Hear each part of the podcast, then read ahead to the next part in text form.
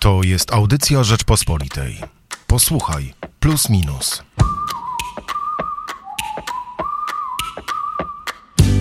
Czy możliwa jest rewolucja młodych? Nad tym zastanawiamy się w najnowszym wydaniu magazynu Plus Minus. Michał Płociński i Hubert Salik. No właśnie, czy spór dziadersi kontra Bachory zdominuje polską politykę? Jakie realne linie e, podziału ten spór e, wyznacza? Czy mamy do czynienia z pokoleniowym buntem, czy może on jest w stanie wręcz przerodzić się e, w jakąś pokoleniową rewolucję, taką rewolucję podmiotową, a może mm, te, ta kariera tych dwóch słów, jak boomer czy e, dziaders, ona tylko nam pokazuje e, frustrację młodych, ale ci młodzi nie mają ze sobą niczego wspólnego, tak właściwie. Nad tym zastanawia się Piotr Trudnowski, prezes e, Klubu Jagiellońskiego, czyli think tanku zrzeszającego działaczy młodego pokolenia, którzy chcą działać na rzecz dobra wspólnego, ale o poglądach raczej republikańskich, konserwatywnych. Pisze tak: Podobnie jak przed pięcioma laty, tymczasowy ideowy sojusz z młodymi pomógł wynieść do władzy prawicę. Takie dziaderskie przebudzenie, znaczy antydziaderskie, przepraszam, przebudzenie w najbliższych wyborach może pomóc tę prawicę od tej władzy e, odsunąć. Myślisz, Hubert, że rzeczywiście e, coś w Polsce się radykalnego zmieniło? Czy zmieniła się sytuacja polityczna, czy może zmieniła się młodzież? Wiesz co, ja bym chyba tutaj odróżnił zjawiska polityczne i zjawiska społeczne. Oczywiście te społeczne przekładają się na polityczne, ale jeśli chodzi o samą politykę, to siła młodych nie polega ani na radykalizmie poglądów, ani na tym, że wychodzą na ulicę, a wcześniej tego nie robili, albo czy, ale raczej o tym, czy rzeczywiście są takim języczkiem uwagi e, w układzie politycznym, jeśli chcemy na to patrzeć bardzo pragmatycznie, politycznie. Z tego punktu widzenia tekst Piotra Trudnowskiego niewątpliwie porusza interesujący problem, bo w poprzednich wyborach y, to młodzi przeważali szale na prawo. E, w tych wyborach sprzed pięciu lat, poprzednich to może źle powiedziane, w tych wyborach sprzed no już nie całych dwóch, ale jednak z 2019 to już nie było aż takie oczywiste. Mm, ale te głosy młodych zawsze się rozpraszały. Rozpraszały się zawsze w kierunku e, partii e, antysystemowych. Bo no, oczywiście to też nie jest żadne odkrycie. Możemy wymieniać i Palikota, i, mm, i Kukiza, mm, a nawet e, Lewicę Razem, albo samo Razem. Ale te rozproszenie i ta antysystemowość no jest w jakiś sposób cechą młodych pokoleń, bez względu trochę na to, czy to jest młode pokolenie Anno Domini 2010 czy 15 czy 20. E, istotna zmiana zaszła natomiast na tym poziomie społecznym e, i ona wydaje mi się dużo, dużo ciekawsza i dużo bardziej znacząca, dlatego że ta zmiana na poziomie społecznym e, może owocować mm, w przyszłości faktycznie zmianą polityczną, ale w odległej przyszłości. Wydaje mi się, że w kolejnych wyborach, bo jeśli mówimy o zmianie na scenie politycznej, to chyba musimy na to patrzeć przez pryzmat wyborów, to w dalszym ciągu będzie ten antysystemowy protest kolejny, choć dużo silniejszy, e, spowodowany, jak e, już w naszych podcastach wspominałem, moim zdaniem katalizatorem jest jednak pandemia, która te emocje wyzwala, wzmacnia. E, jednak młodzi w dalszym ciągu wydają mi się raczej języczkiem uwagi, a czasami niestety tym języczkiem uwagi nie są, ale rozpraszają się i są po prostu antysystemowi. No, rozumiem, że mówiąc o zmianie e, społecznej, mówisz e, o tym, co się wiąże z sekularyzacją, liberalizacją poglądów obyczajowych i tak dalej. No a właśnie Piotr Trudnowski stawia pytanie, czy to powiązanie młodych z agendą radykalnej lewicy na pewno będzie trwałe. Czy to nie jest trochę tak, że my właśnie e, próbujemy wyciągać wnioski z dzisiejszych procesów, z dzisiejszych trendów, które nie wiadomo jak długo się e, utrzymają. No zresztą pamiętam, jak w 2015 roku przyglądaliśmy się temu, dlaczego młodzież zagłosowała na Prawo i Sprawiedliwość, i wtedy było dość powszechne przekonanie wśród socjologów i komentatorów polskiego życia publicznego, że młodzież jest konserwatywna i że to jej raczej zostanie, bo ludzie wraz z wiekiem starają, stają się coraz bardziej konserwatywni, więc ci osiemnastolatkowie, którzy właśnie po raz pierwszy głosowali, czy dziewiętnastolatkowie w 2015 roku, to oni już będą tylko coraz bardziej e, konserwatywni i w przyszłości dalej będą popierać prawicę i lewica ma duży problem. Dzisiaj mm, też wielu ekspertów twierdzi, że a, młodzież jest taka rewolucyjna, widać trendy sekularyzacyjne, to znaczy, że ci, którzy dzisiaj po raz pierwszy głosowali, to za 10-15 lat będą popierać właśnie lewicę. Nie wiem, czy my jakby za dużo sobie nie obiecujemy po dzisiejszych trendach. To przede wszystkim chyba stawiamy takie duże kwantyfikatory. One ułatwiają analizę, e, ale nie sprawiają, że ta analiza jest bardziej pogłębiona, czyli e, mówimy albo albo, czy prawica, czy lewica. Myślę, że to zawsze było podzielone w jakiś sposób e, i związane było no, z elementami kulturowymi, związanymi z chociażby wykształceniem rodziców, wbrew pozorom, albo miejscem zamieszkania. No, oczywiście procesy globalizacyjne, a tu mam na myśli głównie informacyjne procesy globalizacyjne związane z internetem, niektóre z tych czynników troszeczkę spłaszczają, albo trochę spłaszczają, w niektórych miejscach może bardziej, ale jednak e, ten, e, te przechodzenie pewnych wzorców kulturowych wydaje mi się istotne, a okres buntu i antysystemowości jest charakterystyczny.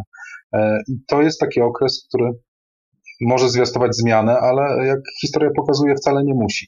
Ale wróciłbym na chwilę do tego, co mówiłeś w 2015, bo ile ja pamiętam, a może inaczej, te analizy, które mi zapadły w pamięć, to są głównie analizy, e, które mówiły o tym, że to organizacje konserwatywne e, miały jakiś pomysł na zagospodarowanie młodych ludzi, nieco zagubionych w świecie którzy zwykle są nieco zagubieni, e, choć niektórym im się wydaje, że, że nie do końca tak jest, ale i one zebrały wokół siebie, mając jakąś ofertę, ofertę działania dla, dla na przykład młodzieży z małych, mniejszych miejscowości, gdzie jak gdyby lewica nie była obecna na poziomie organizacyjnym.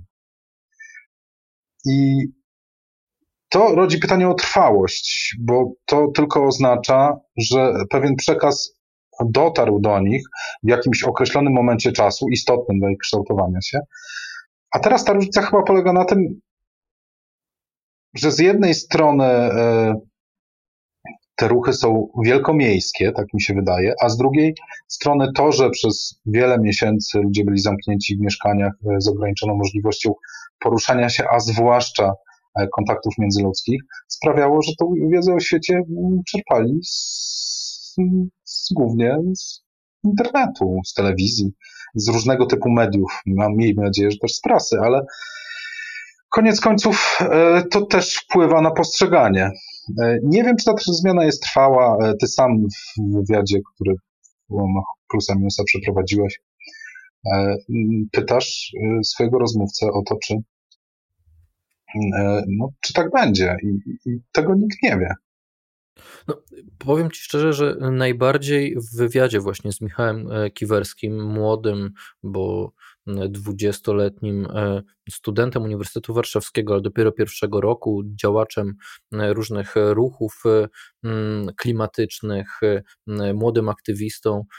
Tam powiem Ci, że największe na mnie wrażenie zrobiło to, że, że Michał Kiwerski nie znał nawet słowa dziaders, że do niego to nie dotarło, że, że jakby on ma takie przeświadczenie, że to słowo ono pewnie rzeczywiście funkcjonuje i jest modne i, i, i, i, i mówił, że, że słyszał jakieś audycje w Radiu Tok FM, że widział w internecie jak googlował sobie e, to pojęcie i czy rzeczywiście jest taka moda, że, że, że, że ludzie tłumaczą, czym jest ten dziaders, ale w jego bańce w mediach społecznościowych, no nikt tego nie używa, że to nie jest słowo, którego używają e, ludzie młodzi, że już bardziej ten boomer e, rzeczywiście został rozpropagowany oddolnie prze, przez młodych. Czy to nie jest przypadkiem trochę też tak, że, że różne elity, które szukają prawda, sojuszników wśród młodych, którzy chcą ich wtłoczyć jakby w własną agendę, czy, czy pociągnąć ich za sobą na różne protesty, E, po prostu zrobić, ulepić ich po swojemu, że nie chcą trochę wtłaczać tych, tych konkretnych ram buntu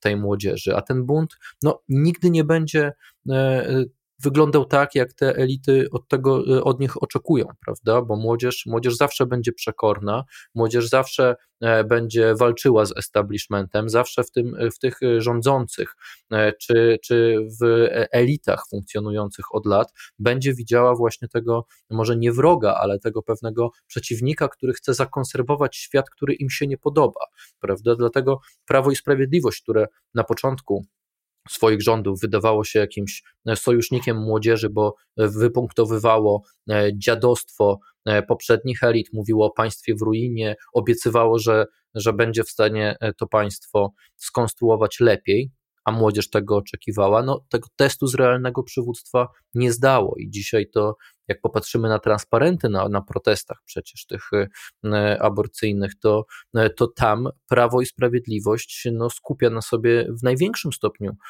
frustrację młodzieży. Dopiero na drugim, wydaje mi się, miejscu jest jest, jest Kościół.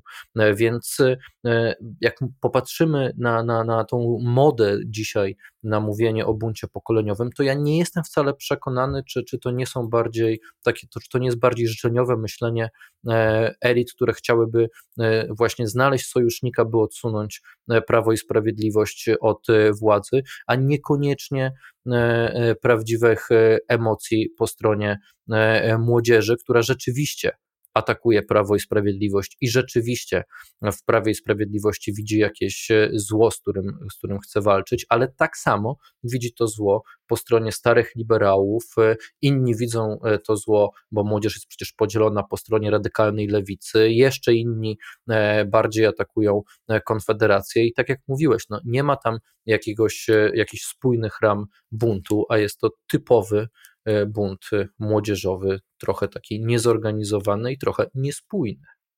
Wiesz co, sporo rzeczy widzimy już z pewnej odległości, łatwiej je nam e, trochę ocenić. Myślę, że oceny oczywiście mogą być błędne, jak to z takimi mm, ocenami zresztą często bywa. E, bo jeszcze kiedy rozmawialiśmy o tym w listopadzie, to miało takie odnosiło się takie wrażenie i poczucie, że naprawdę może być wielka zmiana, ale ona nie została przekuta na jakieś polityczne, e, konkretne działania. To, to, to, ten, to po raz kolejny ten protest przeciwko rządom Zjednoczonej Prawicy, mający jakieś realne podstawy, bo w tym przypadku zdecydowanie e, ani moment, zwłaszcza moment, e, ale też samo złamanie kompromisu, który utrzymywał pewną równowagę w tym kraju, jeśli chodzi o, o, o, o aborcję, no, no można je postrzegać moim zdaniem tylko krytycznie, czyli powód był, emocja była, wydawało się, że emocja jest wielka, ale po trzech miesiącach widzimy, że ona się jakoś nie krystalizuje. Trochę to samo było z kodem. Tych emocji było dużo, dużo ludzi wyszło, dużo ludzi miało mniej lub bardziej słuszne pretensje. E, to jest jedna strona medalu. Druga strona medalu, wracając do ludzi młodych, jest taka, że 8 lat to jest zmiana pokoleniowa. 8 lat urządów było PO, w pewien sposób się zużyło. E, PiS użył do przyjęcia władzy narracji, moim przynajmniej zdaniem, nie do końca zgodnej z rzeczywistością, ale przejął w ten sposób władzę.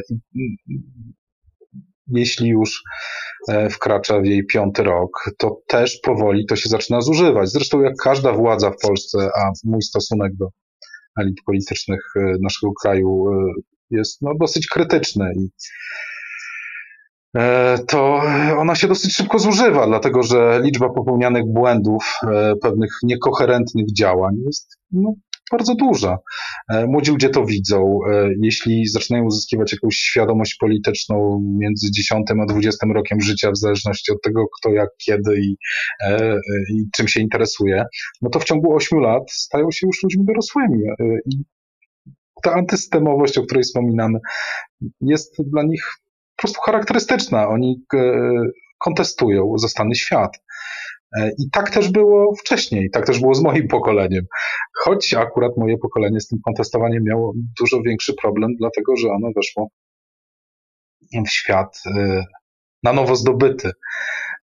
I więc przez niektórych nazwane zostało taką generacją zero, pokoleniem nihilistycznym.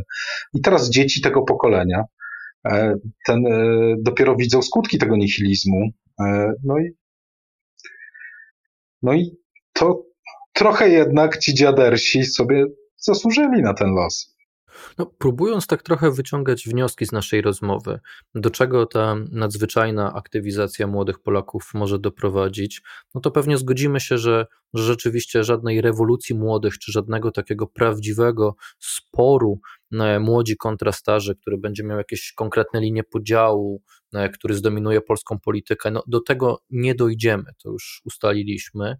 Ale myślę, że ciekawą rzecz mówi Michał Kiwerski właśnie w wywiadzie e, w najnowszym Plusie Minusie, że może nie mamy realnej siły wyborczej, my młodzi ludzie, ale za to daje się nam pewną taką platformę, jest nam nadawana jako ludziom młodym, że słucha się nas, patrzy się na nas, to my jesteśmy w stanie narzucić pewną narrację, że o, idzie młodzież, coś świeżego, coś nowego. No, młodzi po prostu są, są, są słuchani przez sam fakt tego, że, że są nowym pokoleniem i, i mogą wnieść trochę świeżości e, do naszej e, debaty. Oczywiście zazwyczaj młodych chcą słuchać ci, e, którym ta narracja młodych jest na rękę. No, wcześniej młodych chciał, chciało słuchać Prawo i Sprawiedliwość, bo młodzi byli zmęczeni pla rządami Platformy, jak mówiłeś. Teraz młodych chcą słuchać liberałowie czy, czy, czy, czy różne ruchy lewicowe, bo, bo młodzi właśnie atakują rząd, więc jest im to na rękę, ale młodzi tak czy siak są słuchani. I, Ostatnia na przykład afera e, w Polsce, czyli afera ze szczepieniami, która, no przyznajmy szczerze, no nie była jakoś bardzo znacząca, bo to mm, trochę ludzi się wepchało w kolejkę i nie trzeba od razu e, niby robić wielkiego larum, bo przecież właściwie patrząc nawet na te e, dziesiątki tysięcy osób e, zaszczepionych, no to nie ma większego znaczenia, no ale pokazało pewne to mechanizmy, które funkcjonują w III Rzeczpospolitej, pewne mechanizmy kolesiostwa, sposobu myślenia i jak starsi e, pokoleniowo działacze czy politycy zaczynali tego bronić. Jak prezydent Jaśkowiak E, prezydent Poznania e, mówił, że no nie ma w tym nic dziwnego, trzeba dbać o nasze elity i e, inni mu wtórowali, mówiąc, że to atak na elity jest czymś strasznym i że, i że skąd ta pogarda dla elit, no to mam wrażenie, że właśnie tutaj byłoby dobrze, jakby posłuchali tej młodzieży, bo dla młodzieży Nieważne o jakich poglądach, to już jest postawa niezrozumiała. Młodzież, która jest dużo bardziej demokratyczna, która myśli zupełnie innymi kategoriami wspólnotowymi, niż e, mimo wszystko przyzwyczajeni do, do, do starych e, liberalnych wartości jednostkowych e, i takich trochę, no ja bym jednak powiedział, arystokratycznych, takich wartości, które są z tego świata hierarchii i prestiżu, ludzie starsi, no trudno, żeby się te dwa światy ze sobą dogadały. Młodzież kompletnie, mam wrażenie, nie zrozumiała, dlaczego w ogóle starsi liberałowie chcą tych elit bronić przecież te elity zachowały się źle, wpychając się w kolejkę, że trzeba dużo bardziej doceniać tych ludzi na pierwszej linii frontu, lekarzy, pielęgniarki, ludzi pracujących w szpitalach, nawet ich rodziny, niż jakieś elity, które przecież mają i pieniądz, i prestiż, i znajomości, jakoś sobie e, lepiej poradzą niż ci słabo opłacani lekarze. Nie wiem, czy zauważyłeś w ogóle to starcie narracji, i tutaj widać było pokoleniową przepaść. Wiesz to ta pokoleniowa przepaść w podejściu do tego zjawiska z pewnością istnieje, ale e, też nie mam wrażenia, że jest decydująca. E, natomiast mam dwa inne przemyślenia związane z tym, co powiedziałaś. Pierwsza dotyczy, pierwsza dotyczy polityki e, i początku tego, o czym mówiłeś. Polityka jest rodzajem gry. Niestety, jest to gra bardzo często cyniczna, dlatego politycy w wielu krajach, w wielu momentach dziejowych są przez część społeczeństwa znienawidzeni. Ale w tej polityce nie sprawdza się krzyk. Krzyk w polityce prędzej czy później szkodzi politykom. I to nie ci, co krzyczą, koniec końców, rozgrywają w stabilnym oczywiście państwie, w miarę stabilnym, e, e, rozgrywają sytuację, ale e, polityczni gracze. My jeszcze nie wiemy, jak polityczni gracze tę sytuację rozegrają, bo wie, moim zdaniem w większości przypadków, czyli jeśli chodzi o różne e, obozy e, polityczne w Polsce, e, bardzo silny, emocjonalny bunt młodych, który widzieliśmy głównie w listopadzie, został prze, przez nich bardzo politycznie potraktowany. Oni po prostu w wielu przypadkach, i opozycja, i rządzący, którzy e, starali się tej, mimo wszystko tej atmosfery nie zaogniać, e, e, wszyscy czekają, co z tego wyniknie. Taka, to jest typowe podejście do sytuacji, w której nie, nie do końca wiemy, co zrobić, ale to trzeba będzie jakoś rozegrać, ale na razie nie wiemy, które działanie nam przyniesie, nam przyniesie te cyniczne, polityczne korzyści. To jest pierwszy element. A drugi element dotyczący samej tej afery, e, ja nie wiem, czy to na pewno jest tak, jak mówisz. E, istnieje pewne niezrozumienie e, i ono jest charakterystyczne, dlatego że młodzi ludzie, nie wiem, ja w wieku 19 lat, podejrzewam, że ty również, bardziej operują w świecie wartości, bo jeszcze nie widzą z bliska, jak te wartości są degenerowane przez rzeczywistość. E, której z biegiem czasu stają się powoli wraz z wiekiem współautorami. E, I na pewno ta przepaść istnieje. Natomiast czy to, e, czy to oburzenie było kreowane przez młodych? Nie sądzę. Myślę, że ono się jakoś wpisało w pewną polityczną, polityczno-społeczną, może nawet ideologiczną rozgrywkę, bo tutaj wyraźnie było, kto jest za, widać, kto jest za i przeciw. I ta linia nie zawsze była linią wartości, była linią sporu politycznego. Choć od razu powiem, moim zdaniem to działanie jest e, naganne, jest to kolesiostwo, e, ale obecne w polskim społeczeństwie. Chciałbym powiedzieć, e, że moim zdaniem polskie społeczeństwo ciągle jest społeczeństwem zakompleksionym dotyczy to tylko elit. Przeszliśmy z tymi kompleksami perelowskimi do teraz i jak gdyby no, z nimi żyjemy. Ale to też nie jest do końca taka prawda, bo we Francji, w Niemczech, w Wielkiej Brytanii też elity wykorzystują, w Stanach Zjednoczonych, wykorzystują swoją po pozycję. Dodałem Stany Zjednoczone, bo przypomniałem sobie słynną aferę bodajże sprzed dwóch lat, kiedy okazało się, że e, kilkadziesiąt bardzo znanych osób e, ze świata establishmentu po prostu wręczało łapówki, żeby ich dzieci dostawały się na e, bardzo dobre amerykańskie uczelnie, chociażby te z Ivy League. Kiedy sprawa wyszła na jaw, no to no to też spotkał je ostracyzm. E, te zachowania są podobne e, i wynikają z aspiracji. E, wszyscy chcieli być jakąś elitą, a niektórzy, jeśli nie mogą nią być, chcieli być więcej. Niektórzy ją kontestują, więc krzyczą, ale tak naprawdę większość ludzi dąży do tego, żeby w tej stratyfikacji społecznej znaleźć się wyżej w jakiś sposób i później niektórzy z nich tę sytuację wykorzystują.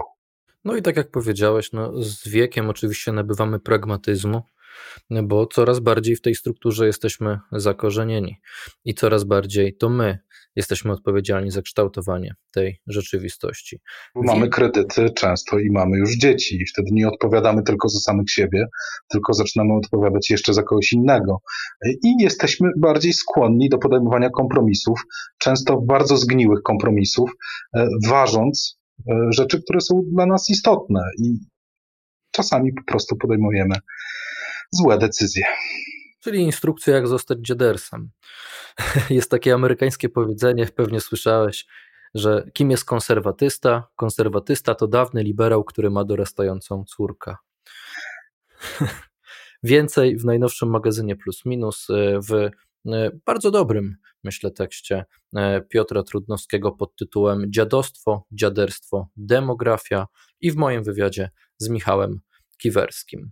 Zachęcamy e, do sięgnięcia po, po nasz magazyn, na przykład na www.rp.pl albo oczywiście dostępny jest w kioskach. Michał Płociński i Hubert Salik. Słuchaj więcej na stronie podcasty.rp.pl. Szukaj Rzeczpospolita Audycje w serwisach streamingowych.